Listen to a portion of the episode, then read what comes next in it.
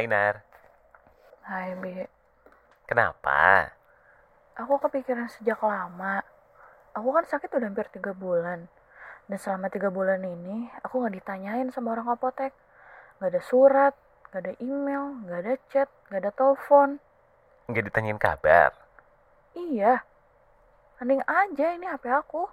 Bunyi cuma chat dari kamu doang. Padahal orang apotek kan semuanya tahu nomor HP aku. Aku juga masih ada di grup WhatsApp. Tapi mereka tuh bersikap seolah nggak kenal aku. Seolah aku tuh udah nggak kerja di sana lagi. Bentar, bentar.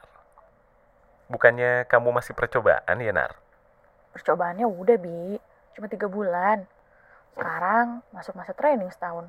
Kalau lulus, baru jadi pakai kontrak selama tiga tahun. Kalau lulus lagi, baru jadi pegawai tetap.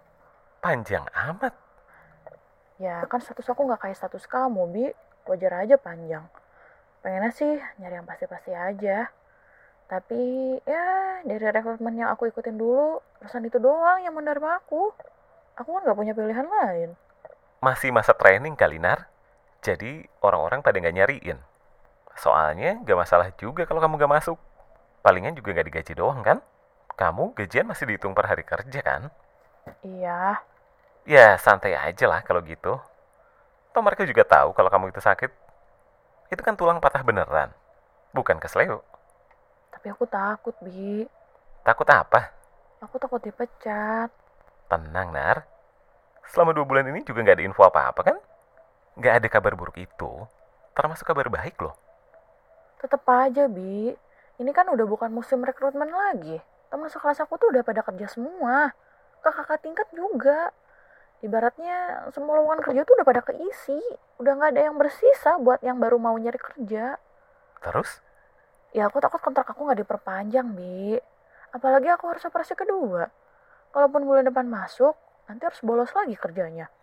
Aku sih nggak masalah kalau masa training aku dihitung dari nol lagi. Asal jangan diberhentiin. Susah lagi nyari kerjanya. Mana setelah operasi kedua, aku masih harus fisioterapi. Kerjanya nggak akan maksimal. Kalau nyari kerja lagi, pasti double susahnya. Siapa yang mau nerima yang lagi menjalani pengobatan kayak aku? Aku pasti nggak dapat kerjaan. Jangan putus asa gitu. Surat PHK-nya aja nggak ada, Nar. Kamu masih pegawai. Cuma lagi cuti sakit aja. Tapi Bi, kalau aku beneran dipecat gimana? Ya, kita nyari kerjaan baru lah. Ya tapi kan bakal susah, Bi. Susah nyari kerja itu bukan berarti nggak ada lowongan kerja, Nar. Udah, jangan mikir ke mana-mana dulu. Itu tulang sambungin dulu deh. Baru nanti mikirin kerja lagi. Tapi kalau nanti aku jadi pengangguran gimana? Nar, tiap orang itu punya ujiannya masing-masing. Kalau nanti kamu emang jadi pengangguran, anggap aja itu cobaan buat kamu. Gak usah risau. Mending energinya disalurin buat yang lain. Tapi Bi, Kalau kamu emang gak bisa tenang, coba yuk kita mikirin aja dari sekarang. Apa yang bisa kamu lakuin di rumah sambil istirahat. aku kan gak bisa ngapa-ngapain, Bi. Ini makan aja masih pakai tangan kiri. Ya kan, gak harus dilakuin sekarang, Nar. Sekarang kamu istirahat dulu aja. Ya masa aku gak ngapa-ngapain? Kamu tuh maunya apa sih, Nar? Disuruh mikir, bilangnya gak bisa ngapa-ngapain. Disuruh istirahat, bilangnya masa gak ngapa-ngapain. Jangan bikin bingung gitu dong. Jadi maunya apa? Maunya jadi tulang rusuk kamu. Aduh, gue digodain nih.